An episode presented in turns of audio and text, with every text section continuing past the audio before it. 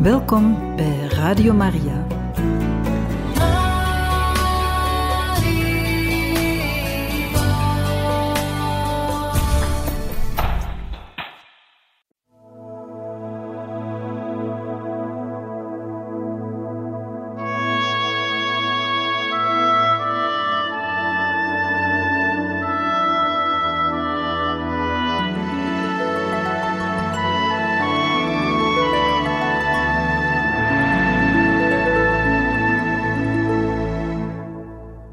Beste luisteraars van Radio Maria.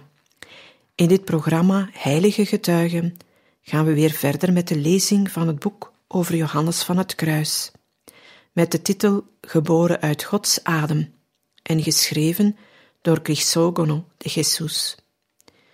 We zijn ondertussen gekomen bij hoofdstuk 14, prior van het klooster Los Martires van 1582 tot 1585 bij het onderwerp God zal u weldra in verlegenheid brengen.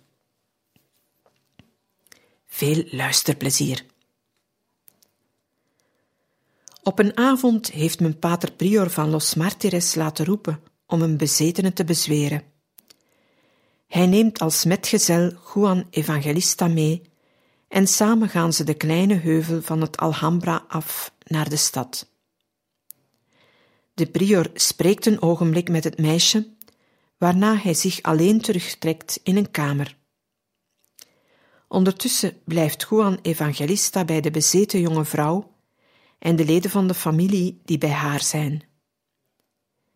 De duivel gaat woedend tekeer en zegt door de mond van de ongelukkige bezetene: Ik kan die kleine broeder niet overwinnen en ik kan nergens bij hem binnen om hem ten val te brengen. Jarenlang vervolgt hij me al in Avila, in Torrafe en hier. Wanneer pater Johannes van het Kruis uit de kamer terugkomt, vertelt pater Evangelista hem wat de duivel door de mond van het meisje gezegd heeft. Een en al lof voor de prior zelf. En deze antwoordt snel: Zwijg, mijn zoon, geloof de duivel niet. Al wat hij zegt zijn leugens. Weet dat het Sint-Jozef was. Pater Johannes van het Kruis is biechtvader van de ongeschoeide zusters. Op een dag is hij echter verhinderd en hij vertrouwt die taak toe aan Pater Pedro de la Encarnación en aan Pater Evangelista. De monialen wonen nog in de Elvira-straat, waarnaar ze verhuisd zijn toen ze het huis van Dona Ana de Peñalosa verlieten. Het klooster ligt vlak bij de Pilar del Toro. Wanneer de twee ongeschoeiden voorbij de Plaza Nueva zijn, komt hun een man tegemoet. Hij heeft een flink postuur, een frisse roze gelaatskleur en wit haar. Hij lijkt zo'n jaar of vijftig. Hij is in het zwart gekleed en heeft een eerbiedwaardig uiterlijk. Hij komt naar de ongeschoeide toe en loopt tussen hen mee, terwijl hij hun vraagt waar ze vandaan komen. Van de ongeschoeide karmelitesse, antwoordt Pater Pedro. De mysterieuze man antwoordt: Uw eerwaarden hebben groot gelijk om zich om hen te bekommeren, want in die orde behaagt men onze Heer ten zeerste. Zijne majesteit draagt u hoge achting toe en die zal nog groter worden. Hij vraagt u opnieuw: Waarom hebt u in uw orde zo'n grote devotie tot Sint-Jozef, paters? Onze heilige moeder Teresa de Jesus, zo antwoordt pater Pedro, had heel veel devotie voor hem, omdat hij haar veel geholpen had bij haar stichtingen en hij veel van de Heer verkregen heeft voor haar. Daarom heeft zij de huizen die zij gesticht heeft naar Sint-Jozef genoemd. En er is nog een gunst, repliceert het personage. Bekijk mijn gezicht en heb veel devotie voor die heilige. Er is niets dat u hem zult vragen zonder het te verkrijgen. De ongeschoeiden zien hem niet meer. wanneer zij de heuvel van het Alhambra over zijn en terug in het klooster Los Martires zijn, vertellen ze de prior wat hen overkomen is. Johannes van het Kruis toont geen enkele verbazing en zegt hun: Zwijg, jullie hebben hem niet erkend. Weet dat het Sint Jozef was. U had moeten neerklieden voor die heilige. Hij is u niet verschenen voor u, maar voor mij. Ik heb niet zo'n devotie voor hem gehad als wel zou moeten, maar voortaan zal ik dat wel hebben.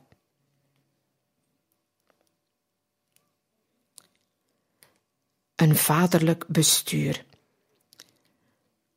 Ondanks zijn taak en hoedanigheid van overste, heeft Johannes van het Kruis voor zichzelf de armste en smalste cel van het klooster gekozen.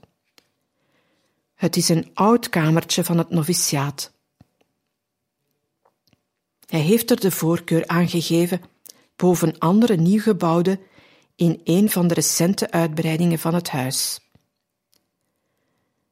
Behalve het schamele veldbed waar hij op slaapt, is er in de kleine cel alleen maar een houten kruisbeeld, een Mariabeeld, een Bijbel en het brevier. Dat is heel het meubilair. En als om dat alles zijn klimaat te geven, dit vers uit Psalm 73. Quid mihi est in cielo, et a te quid volui super terram. Wie anders dan u heb ik in de hemel, niets wil ik op aarde dan u. De cel heeft een raampje dat uitgeeft op de tuin. Lange tijd brengt Juan in gebed door zittend in de vensteropening. Louis de San Angelo, die vlak bij de cel van de prior woont, verrast hem daarbij. Hij heeft hem zowel overdag zo gezien, terwijl hij naar de bloemen keek, als s'nachts voordat de zon opkwam, terwijl hij de sterren beschouwde. Vanuit die nederige cel bestuurt hij zijn klooster Los Martires, het is een vaderlijk bestuur. Hij behandelt de religieuze altijd met veel liefde, zegt een van hen. Maar hij ziet hun fouten niet door de vingers. Hij corrigeert zelfs de kleinste. Wanneer de fout dit vraagt, legt hij soms zelfs boetedoening op. De zwaarste, die in die tijd zeer gebruikelijk was, bestaat in een kastijding met de roede. De constituties schrijven die voor. Maar Juan weet de straf te verzachten. Als de schuldige zijn boetedoening volbracht heeft, dekt de prior zelf zijn rug weer toe en trekt zijn habit recht. Wanneer hij dan neerknielt om zijn scapulier te kussen en de zegen te vragen, slaat Juan de armen om zijn hals helpt hem liefdevol opstaan en zegt hem met zachte stem: Moge God u vergeven. Waarom let u niet beter op? Het is geen onverbiddelijk strenge overste die de daden van zijn medebroeders controleert en naar onvolkomenheden zoekt om die te corrigeren. De kloosterlingen van Granada verzekeren dat hij zich niet mengt in de taken die hij elk heeft opgedragen en dat hij niet komt spioneren in de bijgebouwen. Zijn correcties zijn verpakt in een geest van zachtheid, in spiritu lenitatis, in een geest van zachtmoedigheid, zoals Louis de San Geronimo het uitdrukt. Niemand heeft hem ooit een hard woord horen zeggen of hem buiten zichzelf gezien wanneer hij een berisping gaf. In plaats van een religieus, die de stilte niet in acht nam, achterna te zitten om het volle gewicht van de regel op hem te doen neerkomen, hoorde men hem hoesten in de gang, of gerucht maken met de grote rozenkrans die aan zijn riem hing, als om de kloosterlingen die spraken, op tijden of plaatsen waar dit niet mocht, te waarschuwen dat ze tot inkeer kwamen, voordat hij hen zag. We onderbreken hier voor wat muziek.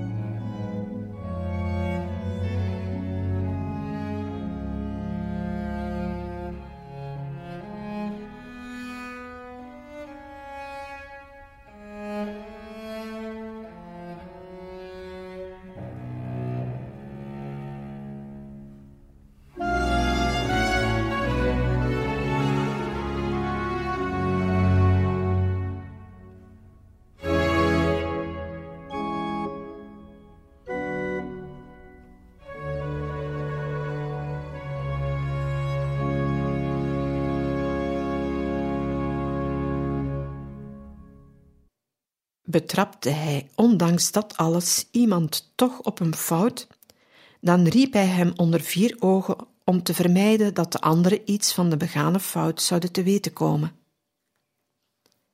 Hij vindt en herhaalt als bestuursnorm dat de overste niet alle fouten mag berispen of straffen, en dat hij ze ook niet allemaal door de vingers mag zien.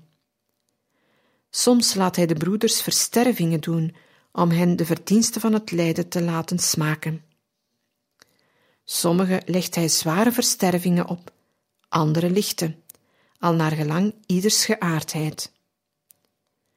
Ze weten allen hoe zuiver de bedoeling van hun overste is en dat de geringste geest van wraak of heimelijke tirannie hem volkomen vreemd is. Daarom is degene die hij het meest vernedert, de persoon die het meest lief heeft.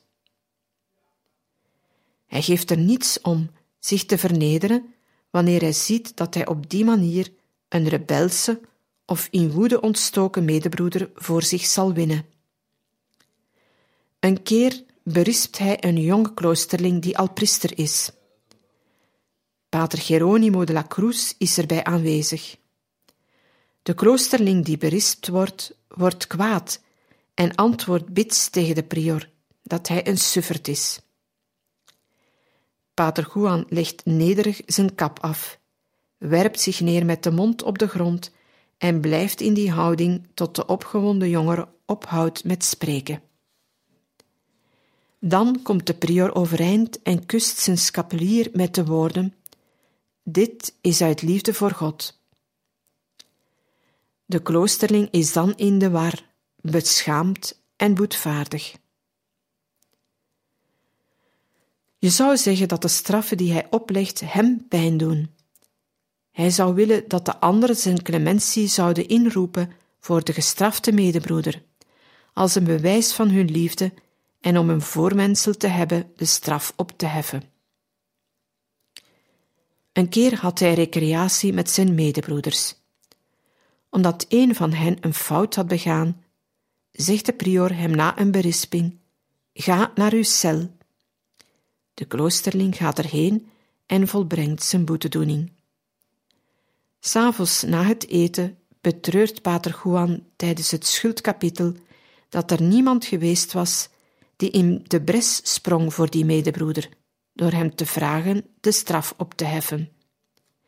Hij zag daar een groot tekort aan liefde in.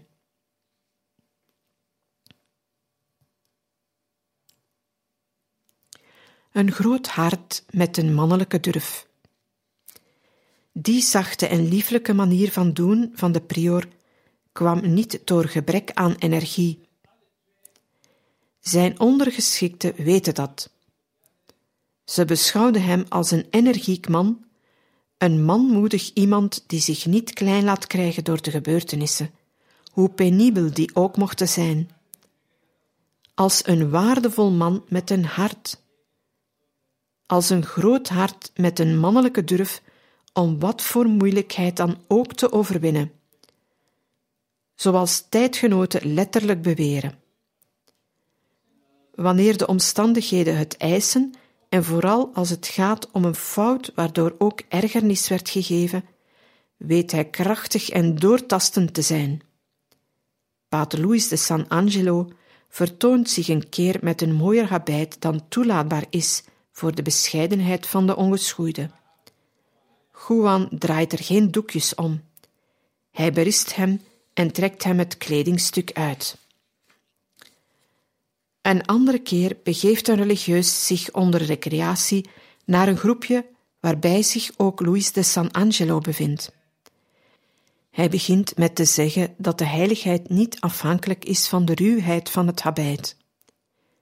Hij heeft een tuniek gezien die de Heer zelf gebruikt heeft, en die was heel mooi. Vlak daarbij bevindt de prior zich in een ander groepje.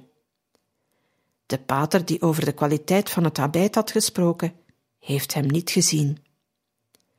Maar Johannes van het Kruis heeft heel het gesprek gehoord. Hij gaat erheen en weerlegt de merkwaardige argumenten van de pater. Christus, onze Heer, had geen ruwe kleding nodig, als het al zeker is dat de mooie tuniek hem toebehoorde, want hij hoefde geen ongeregelde passies te versterven. Maar de mensen die zondaars zijn, hebben dat wel. De kloosterling weet daarop niets te zeggen en Juan laat hem ter plaatse de fraaie kap die hij droeg uittrekken en berispt hem energiek om het kwaad dat hij sticht met zijn leer en zijn slechte voorbeeld. Het is dus geen zwakheid die hem zo'n zacht bestuurssysteem laat huldigen. Maar hij is ervan overtuigd dat dit het doeltreffendste is. Zo streng en hard als hij voor zichzelf is, zo zacht en goedaardig is hij voor zijn medebroeders. Het is in zekere zin een eis van zijn eigen deugdzaamheid. Jaren terug, toen hij nog een jonge biechtvader was in de menswording te Avila, zegde hij tegen een jonge moniale die bang was dat hij te streng zou zijn in zijn geestelijke leiding, omdat ze hem als een heilige beschouwde. Hoe heiliger de biechtvader is, des te milder zal hij zijn, en des te minder zal hij zich ergeren aan de fouten van anderen, omdat hij de zwakheid van wat des mensen is beter kent. Het is dus een norm die regelrecht voortvloeit uit oude en diepe overtuigingen. En hoe goed dat hem afgaat. Zelfs wanneer hij afwezig is, bewaren de religieuzen de goede orde en trouw aan de regel, alsof ze hem altijd voor ogen hadden. In een periode dat hij ziek is en niet kan meedoen met de communiteitsakte, hoeft hij alleen maar s'avonds naar de refter te gaan voor het schuldkapitel. Hij geeft de religieuze een paar bezinningen, nu eens over het stilzwijgen, dan weer over de teruggetrokkenheid uit de wereld of over de wederzijdse liefde, en de religieuzen blijven vurig en volgzaam.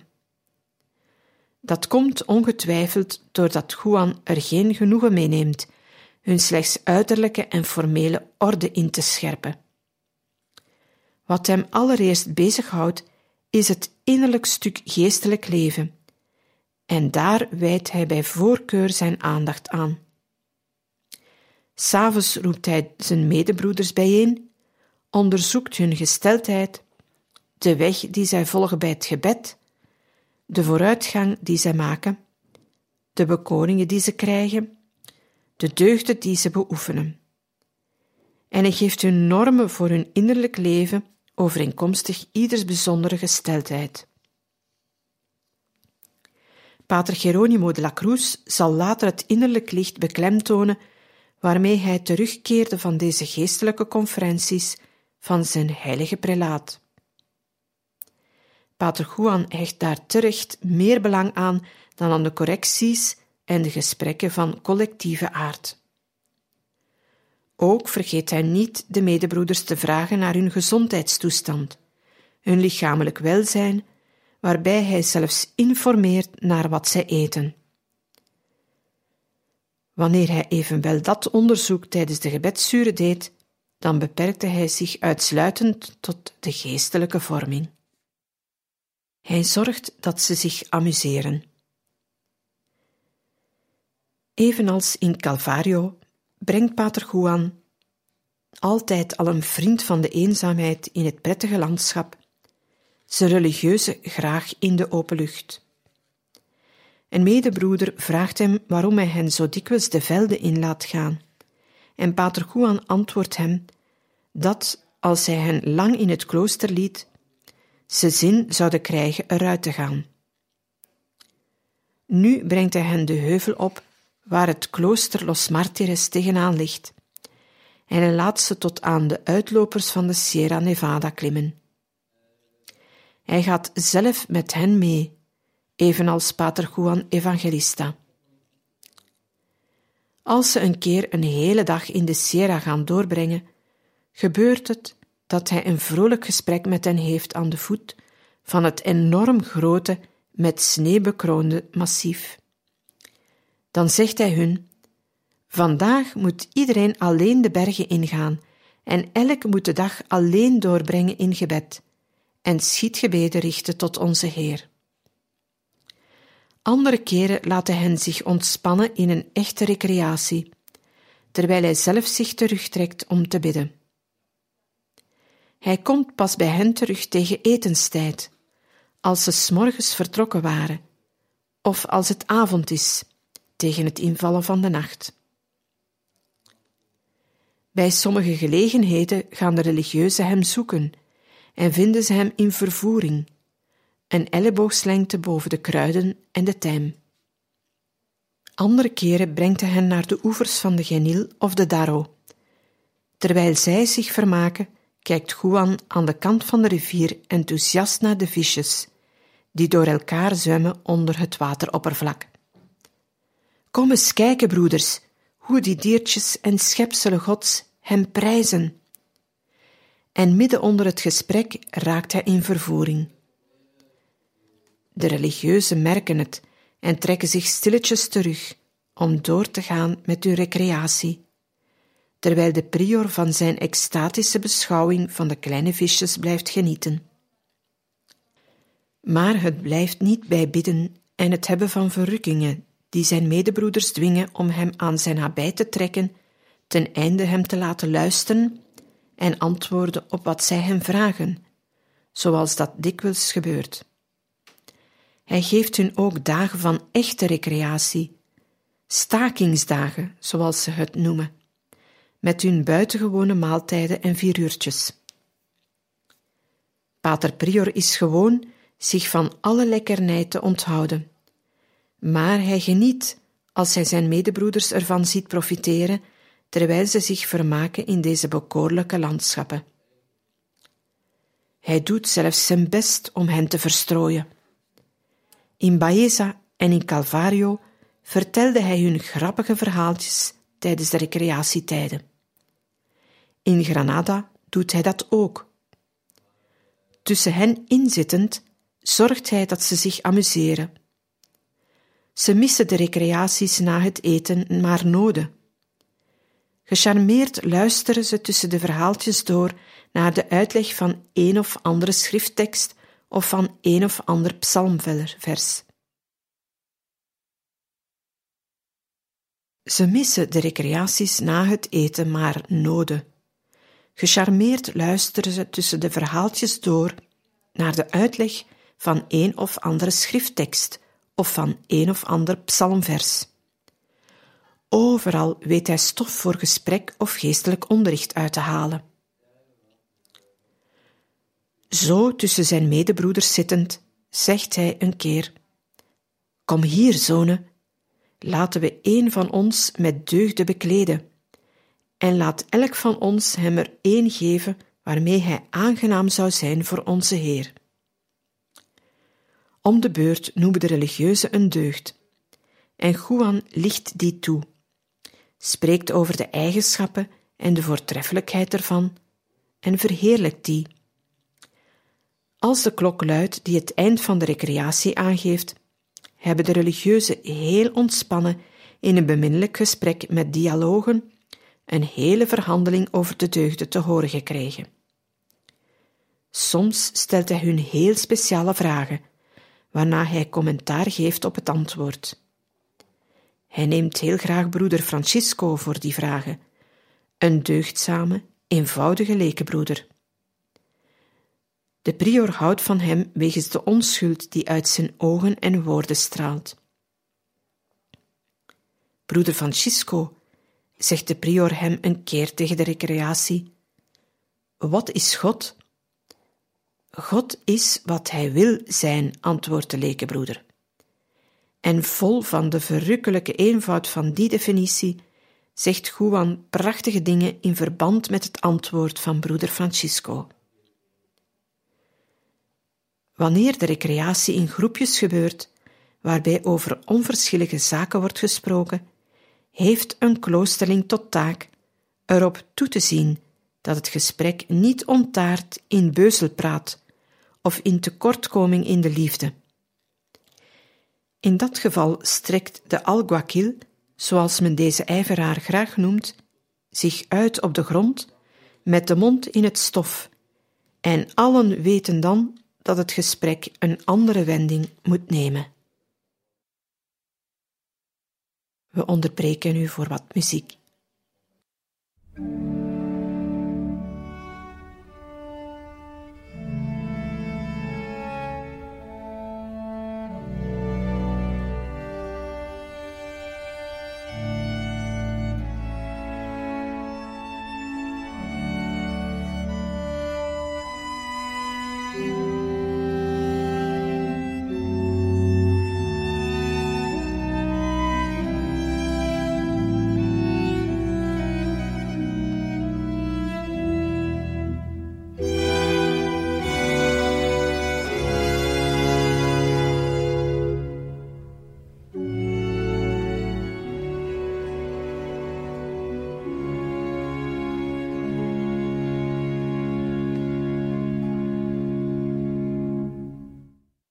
De rijst valt op de grond.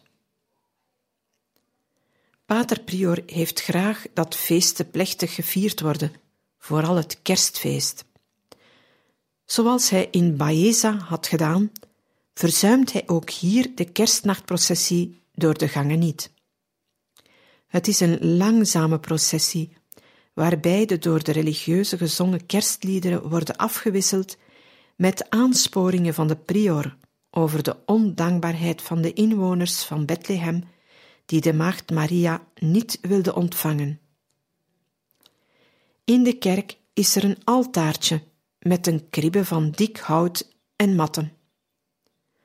Verder vraagt de prior de novissen tijdens de recreatie een uitbeelding van het kerstmysterie te geven, een soort toneel dus.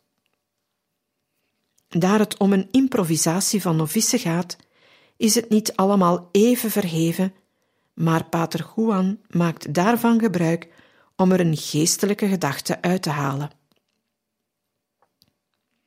Hij viert de feesten zelfs met buitengewone maaltijden, die afwijken van het gebruikelijke eenvoudig dieet van kruiden, erwten en sardientjes. Ter gelegenheid van een feest droomde Pater Prior ervan zijn religieuze op een rijstschotel te trakteren. De kok, broeder Jorge de San José, is novice. Het verhaal komt uit zijn mond. Als de rijst gekookt is in een kookketel en het uur van de maaltijd is aangebroken, komen de religieuzen naar de refter. Op dat moment neemt broeder Jorge de ketel van het vuur. De schijf komt los en de pot kantelt om. De rijst valt op de grond. Juan, die de keuken binnenkomt om zijn feestgerecht op te halen, is getuige van de kleine ramp. De kok is geschrokken en kijkt waarschijnlijk met het hoofd naar beneden hoe de rijst daar op de grond gemorst ligt. Maar Juan troost hem. Trek het je niet aan, zoon. Verdeel wat er verder nog te eten is. Onze Heer wil niet dat we vandaag rijst eten.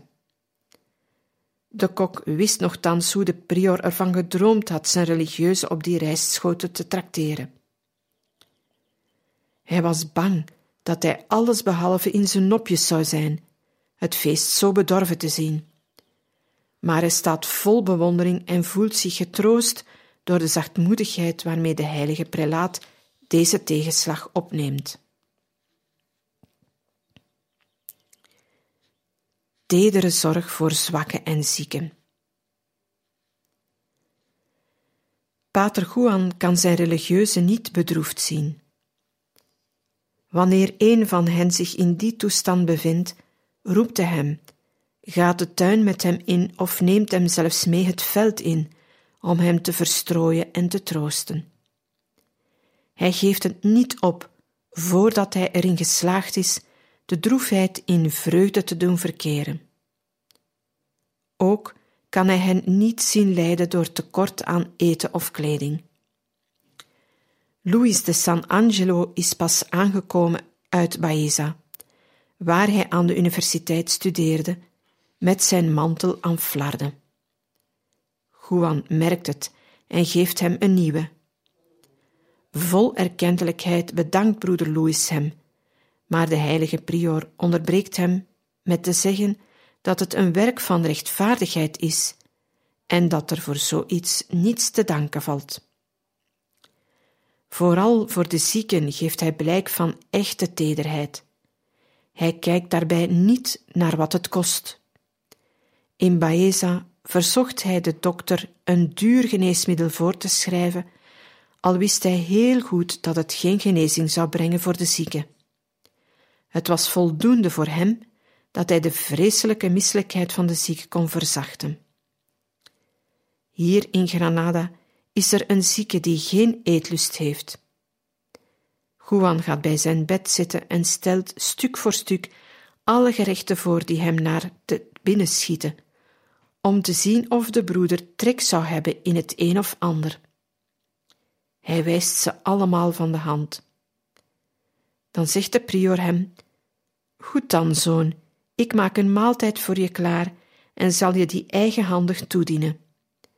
Ik maak er een sausje voor je bij, waardoor het heerlijk zal smaken.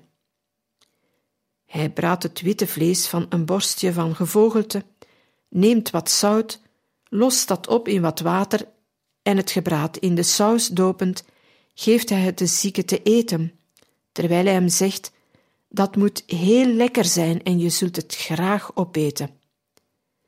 Niemand weet wat voor geheimzinnige smaak het vlees gekregen had met die eenvoudige bereiding door Juan. Maar feit is dat de zieke zonder eetlust het met plezier opat en het lekker vond. Een andere zieke religieus ontbreekt het wel niet aan eetlust, maar hij is lastig. De prior heeft de verpleger opgedragen hem als middagmaal een stuk gebraden spek te brengen met krieken en wat wijn. De zieke weigert het. De verpleger dringt aan, maar vergeefs. Als hij dat ziet, gaat de verpleger, die zelf ook een zwakke gezondheid heeft en toestemming heeft gekregen om te eten, met het maal van de zieke naar de refter en smult daarvan de wijn, de krieken en het spek. Wanneer Juan de zieke gaat bezoeken en hoort dat hij nog niet gegeten heeft, laat hij de verpleger komen en vraagt hem hoe het komt dat hij nog niet gegeten heeft. De verpleger vertelt wat er gebeurd is. De zieke wilde het niet. Deze reageert met te zeggen dat hij het niet genomen heeft, omdat hij wou dat men meer aandrong. Waarop de verpleger: Ik heb het opgegeten, vader, zonder dat iemand het me vroeg. De prior moet lachen en stemt zelfs in met de genomen beslissing, in de hoop zo de kuren van de zieke te genezen. Broeder Augustin de la Conception maakt zich zorgen. Met zijn wankele gezondheid is hij na tien maanden noviciaat bang om weggestuurd te worden. Op een dag laat Pater Juan hem roepen en stelt hem voor zich te laten verzorgen en uit te rusten in het huis van zijn broer. Augustin vermoedt dat het een zachte en heimelijke manier is om hem weg te sturen en is diep bedroefd. De prior merkt het en haast zich hem te zeggen dat het niet om die reden is. Hij laat hem gaan in zijn nabijt zodat hij niet bang zou hoeven te zijn. Hij wil hem alleen maar een sneller en afdoender middel verschaffen om te genezen. De novice gehoorzaamt en brengt enige tijd bij zijn familie door. Als hij in het klooster Los Martires terugkomt, komt pater Juan naar buiten om hem hartelijk te verwelkomen en te vragen hoe het met zijn gezondheid staat. Augustin komt praktisch net zo terug als hij vertrokken is, maar antwoordt dat het veel beter gaat, opdat men hem niet zou weigeren hem zijn professie te laten doen. Want hij was nog altijd bang dat hij ooit zonder karmelieten habijt zou zijn. Juan begrijpt de bezorgdheid van zijn novice heel goed en kort daarna, op drie koningen, zegt hij alsof hij zich gedrongen voelde de lekenbroeder tot rust te brengen tijdens de recreatie tegen de communiteitsleden. We laten broeder Augustin zijn professie doen, wat dan ook onmiddellijk gebeurt. Augustin doet zijn professie en Pater Juan omhelst hem, waarbij hij hem de verzekering geeft dat hij voortaan geen last meer zal hebben van zijn ziekte. Wat inderdaad het geval zal zijn. Aan die vaderlijke bezorgdheid moet nog toegevoegd worden dat hij de fijngevoeligheid heeft om zijn religieuze te raadplegen en hun mening te vragen.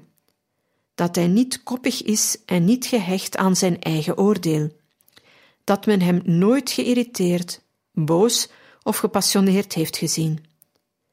Dat hij de eerste is om de nederigste taken te vervullen, zoals bedienen aan tafel, vegen, schuren en de toiletten schoonmaken.